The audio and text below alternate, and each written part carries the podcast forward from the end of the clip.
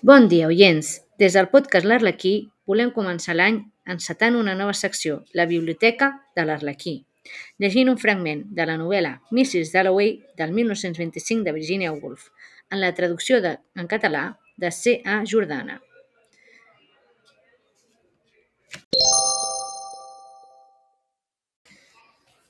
Mrs. Dalloway va dir que ella mateixa compraria les flors, perquè Lucy ja tenia prou feina.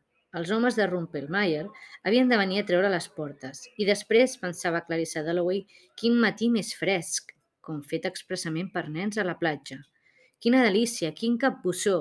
Vet ací la impressió que tenia sempre quan amb un petit grinyol de frontisses que ara estava sentint, obria de bat a bat la porta balconera i es llançava vers Burton i l'aire lliure.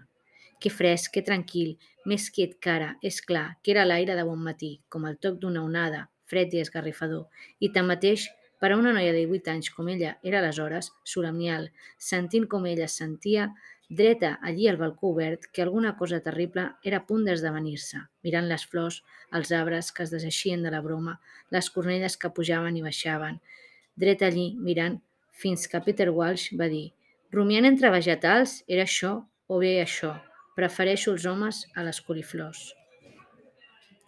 I fins aquí la lectura del fragment en la secció Biblioteca de l'Arlequí. Bon dia tingueu.